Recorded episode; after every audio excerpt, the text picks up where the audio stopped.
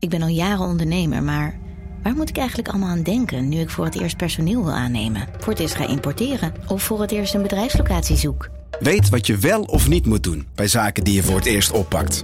Check kvk.nl voor praktische stappenplannen. KVK, hou vast voor ondernemers. Al 125 jaar kwaliteit voor jou thuis met Miele. Dat vieren we met jou. Ontvang nu tijdelijk een cashback tot 125 euro op veel Miele-apparatuur. Geniet van de kwaliteit van Miele. Voor perfect verzorgd wasgoed en kleding die veel langer mooi blijft. Voor een stralend schone vaat, even perfect als jouw diners. En een stofvrij thuis waarin echt hygiënisch schoon de standaard is. Check miele.nl voor alle feestelijke aanbiedingen.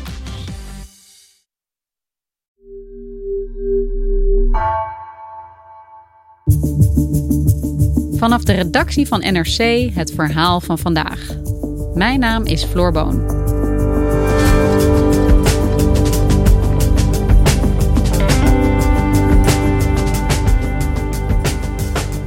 Ongehuwde meisjes en vrouwen die onder druk hun baby's afstonden.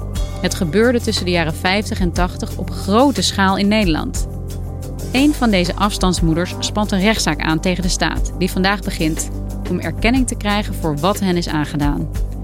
Redacteur Anne-Martijn van der Kade en freelancer Christel Don spraken met moeders en dochters over het leed dat hun levens heeft bepaald.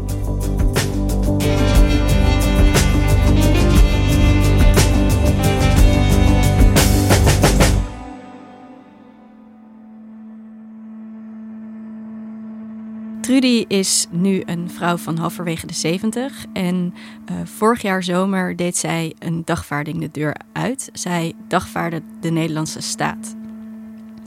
Het begon eigenlijk met een gesprek dat zij had met haar dochter in 2018. Haar dochter had eigenlijk al jaren het idee dat haar moeder een geheim verborg. Waarom had ze bijvoorbeeld bijna geen contact met haar familie? En in 2018 eh, vroeg ze daar weer naar aan haar moeder: van mam, hoe zit dat nou? En uh, toen uh, brak Trudy eigenlijk. Wat ze dus haar hele leven verborgen heeft gehouden, is dat ze op haar 21ste, dat was in de jaren 60, zwanger was geraakt van haar toenmalige vriend. Die jongen verliet haar, maar zij besloot al snel: ik ga dit kind houden en ik ga het zelf opvoeden. Maar je moet je bedenken, het was de tijd van de verzuiling. Het geloof speelde een grote rol in de levens van de mensen. Het huwelijk werd gezien als de hoeksteen van de samenleving en zij was niet getrouwd. Het was haar eigen moeder eh, die haar naar een plek stuurde waar ze haar kind zou moeten afstaan. Haar moeder dacht namelijk dat zij niet voor het kind zou kunnen zorgen. Het is het beste dat je het afstaat. Nou, en dat was nog nooit in mijn gedachten opgekomen. Maar ja, ik was natuurlijk heel kwaad en verdrietig. En ja, het gesprek stokte en we zijn omgedraaid en uh, weer naar huis gelopen. In 1968 beviel ze in een tehuis voor ongehuwde moeders. Dat heette de Paula Stichting in Oosterbeek van een uh, zoontje. Ja, de bevalling zelf natuurlijk, ja, dat vergeet je nooit meer. Die non die deed alles om het kind uit zicht te houden. Hè? Ze ging ook met de rug naar me toe staan. Dus uh, ik keek alleen maar naar haar rug. En toen verdween ze ermee. Dus ik hoorde het, uh, het huilen van het kind hoorde ik in de gang. En daarna niet meer.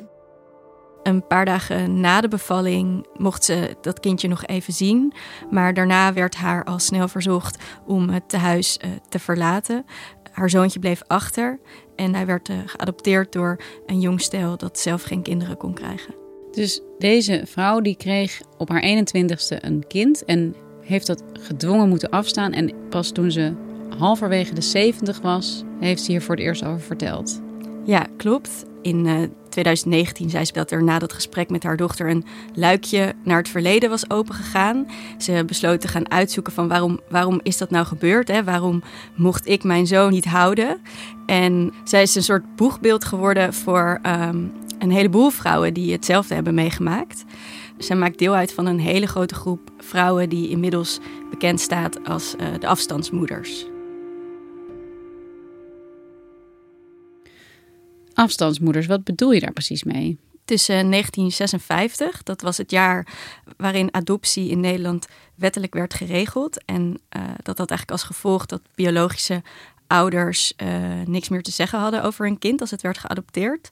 En het jaar 1984, het jaar waarin abortus officieel werd toegestaan, zijn in Nederland ongeveer 15.000 kinderen afgestaan. Een heel groot deel van die kinderen uh, was van ongehuwde moeders. En net als bij Trudy gebeurde die afstand in heel veel gevallen tegen de zin van de moeders. Dus zij werden ertoe gedwongen om hun kind af te staan? Je moet bedenken dat in die periode uh, ongehuwd moederschap werd gezien als iets moreel verwerpelijks. Uh, je maakte je familie eigenlijk ten schande als je uh, zwanger was terwijl je niet was getrouwd. Ongehuwd zwangere meisjes die werden dan soms door hun eigen families naar plekken toegestuurd waar ze de laatste maanden van hun zwangerschap konden doorbrengen en konden bevallen. Hier ziet u de kinderverzorgsters van het tehuis in Breda voor niet gehuwde moeders en hun kinderen. De ongehuwde moeders kunnen hier uit eigen beweging naartoe komen. We hebben aan de directrice mevrouw van der Vecht enkele vragen gesteld. Er stond enige tijd geleden in een krantenartikel dat 90% van de niet gehuwde moeders haar kindje willen houden. Is dat ook hier het geval? Vroeger wel, maar tegenwoordig daalt het aantal sterk. Momenteel komen er van de meisjes die hier zich melden, wil al 70% afstand doen als ze zich melden. Worden ze omvergepraat om afstand te nee, doen? Nee, beslist niet. En vaak waren die uh, tehuizen uh, verbonden aan een zuil. Dus dat konden uh, rooms-katholieke tehuizen zijn of protestants-christelijke. Dus er was eigenlijk een heel systeem voor deze vrouwen.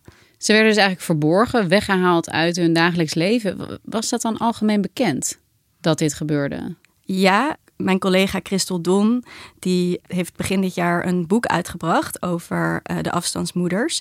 Christel zegt bijvoorbeeld dat er wel een hele generatie is van Nederlanders die heeft meegemaakt dat uh, meisjes uit hun klas plotseling verdwenen. En dan werd er gezegd, uh, oh ja, die is op vakantie.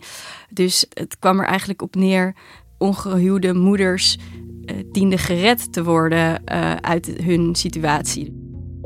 Hoe komt het dat ze afstand willen doen?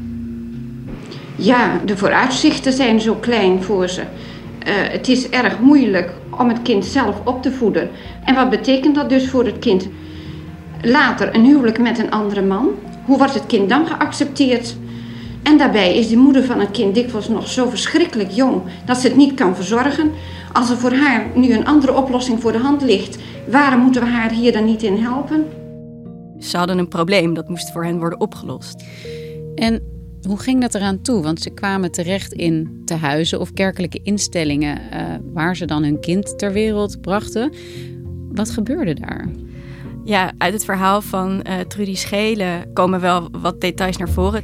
Nou, je kwam daar terecht, uh, in haar geval tussen de nonnen in Oosterbeek. En uh, dan gingen ze voor jou uh, zorgen. Zij uh, heeft het over kale gangen waar ze dan eindeloos doorheen liep, wachtend totdat die bevalling zou komen. Die bevallingen zelf gingen vaak geblinddoekt of er werd een laken gespannen tussen, zodat de moeder eigenlijk niet kon zien wat er, wat er gebeurde. Destijds was de opvatting dat het beter was om je dan ook niet te hechten aan je pasgeboren kind. Het waren ook ongeveer 10 tot 15 baby's boven. Die lagen in hun bedjes allemaal naast elkaar, allemaal in wiegjes.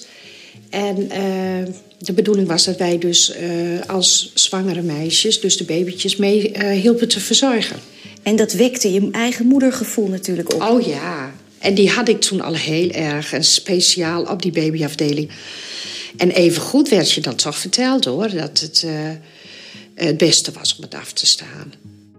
En wat je ook wel hoort, is dat de zorg in die tijd er eigenlijk op gericht was om uh, vrouwen zich bewust te maken van de, de, de zonde en de schande die ze hadden begaan. Dat moet behoorlijk traumatiserend zijn geweest voor deze vrouwen. Want een vrouw die een kind draagt en baart, dat is zo'n grote fysieke ervaring. En zij moesten daarna dan gewoon terugkeren in de maatschappij alsof er niks was gebeurd? Ja, precies. Dat is het, dat is het bizarre. Deze vrouwen die praten daar dus niet over. Die kregen ingeprent dat ze, dat ze iets heel verkeerds hadden gedaan. Dus je ziet dat er eigenlijk pas de laatste jaren steeds meer verhalen naar buiten zijn gekomen over afstandsmoeders. Uh, of een belangrijk moment was bijvoorbeeld een uh, documentaire van Brandpunt in 2014. Meisjes die in het geniep moesten bevallen, moederziel alleen, ver van huis. En er daarna toe werden veroordeeld om hun baby dikwijls ongezien af te staan. Schrijnende verhalen, maar er wordt nog altijd over gezwegen. Pijnscheut, uit het verleden.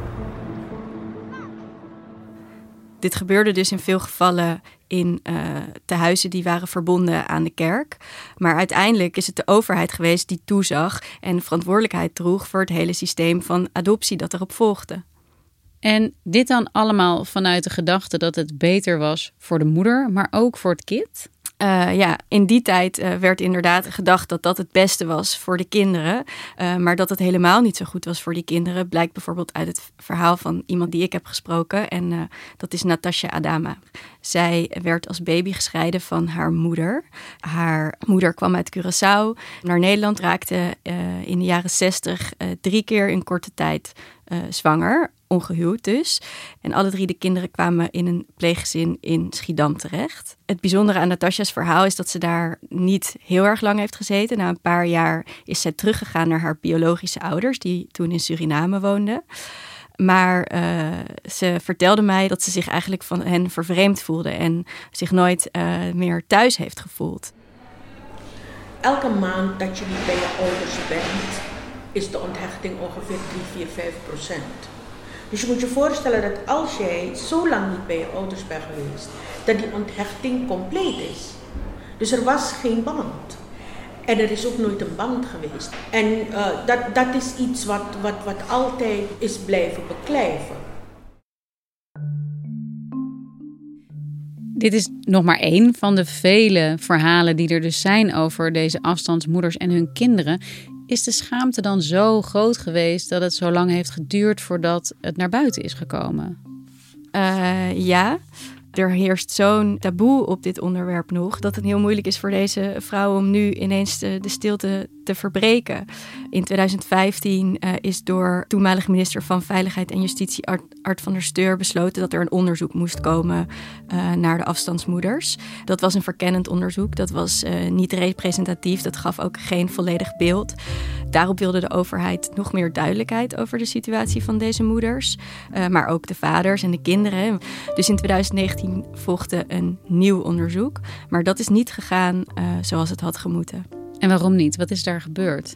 Je kunt wel zeggen dat dat een fiasco is geworden. Het ging eigenlijk meteen al mis.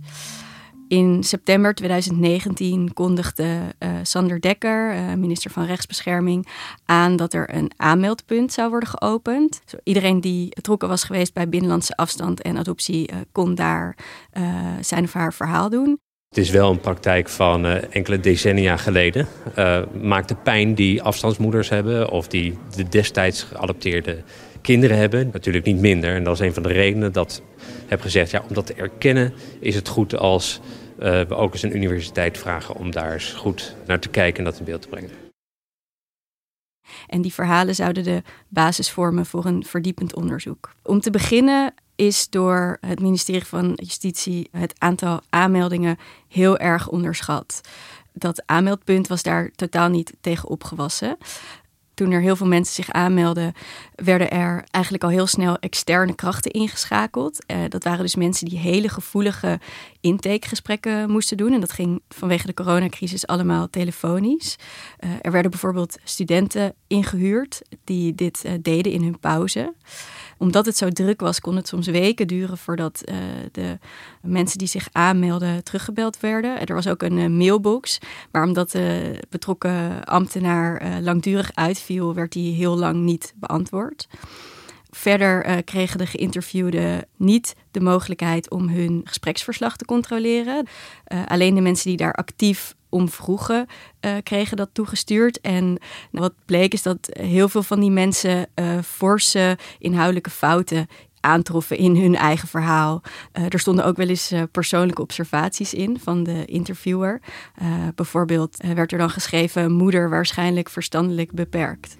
Maar wat misschien nog wel het ergst is, is um, dat de instanties die zelf onderdeel waren van het systeem van die afstandsmoeders ook een belangrijke rol kregen in het onderzoek. Zo heb je bijvoorbeeld uh, het FIOM, een Nederlandse stichting die uh, gespecialiseerd is op, in ongewenste zwangerschappen en afstammingsvragen. Zij waren degene die bij het aanmeldpunt zaten.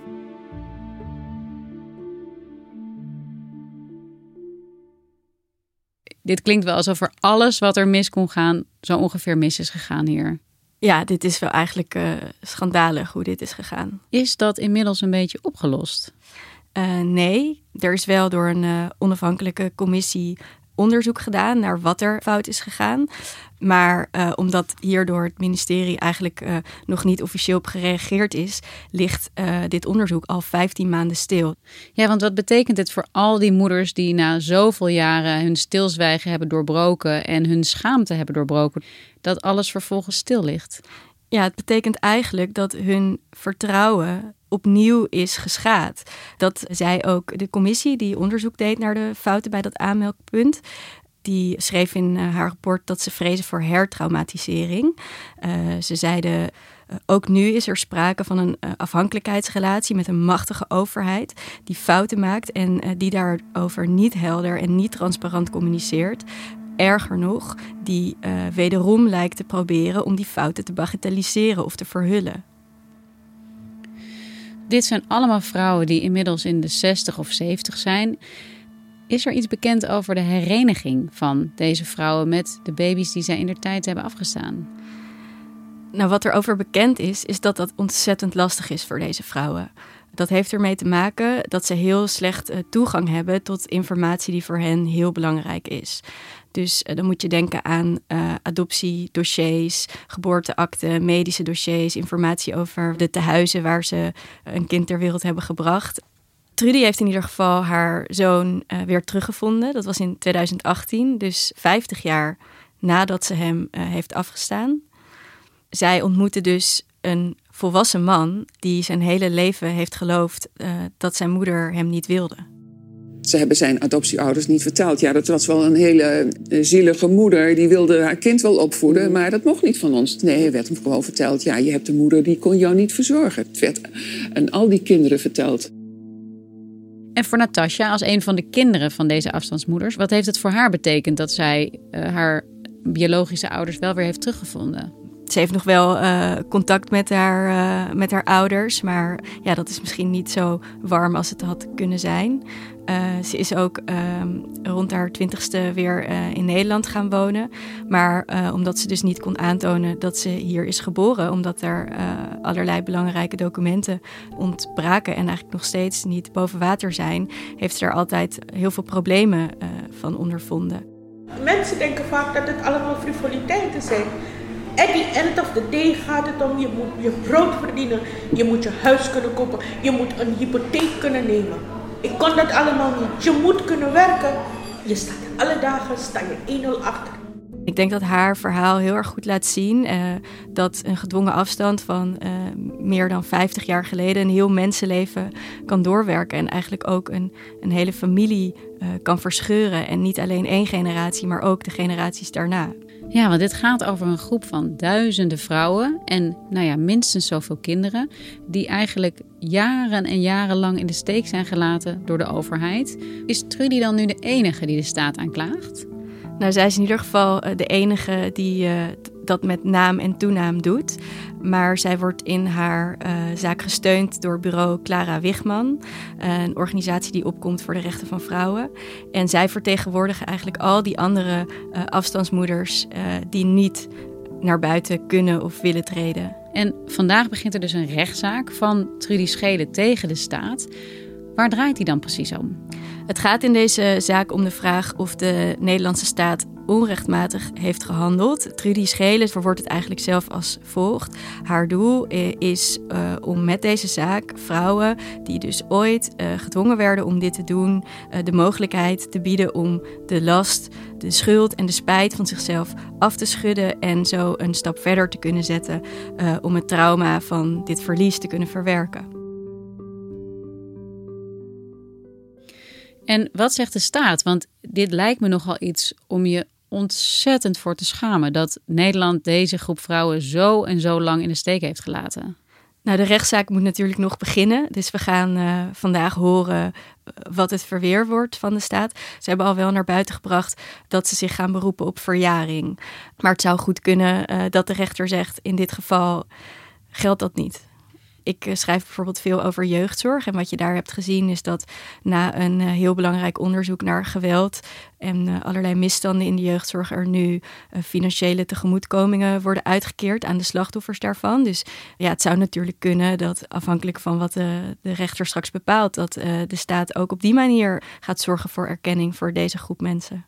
Ja, want is dat misschien uiteindelijk wat deze groep wil? Graag erkenning voor het leed dat hen is aangedaan. Ja, natuurlijk. Zij uh, hebben altijd het idee gehad uh, dat zij iets uh, verkeerd hebben gedaan.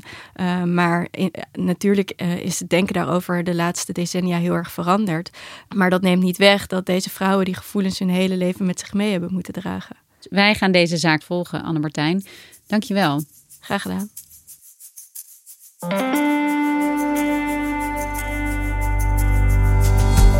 Je luisterde naar vandaag, een podcast van NRC. Eén verhaal, elke dag. Heb je altijd al willen weten hoe vandaag gemaakt wordt? Vanavond vertel ik er samen met andere vandaagmakers over op het Podcastfestival. Wil je hierbij zijn? Kijk voor meer info op www.podcastfestival.nl. Deze aflevering werd gemaakt door Esme Dirks en Jeroen Jaspers. Met speciale dank aan Christel Don. Dit was vandaag, maandag weer.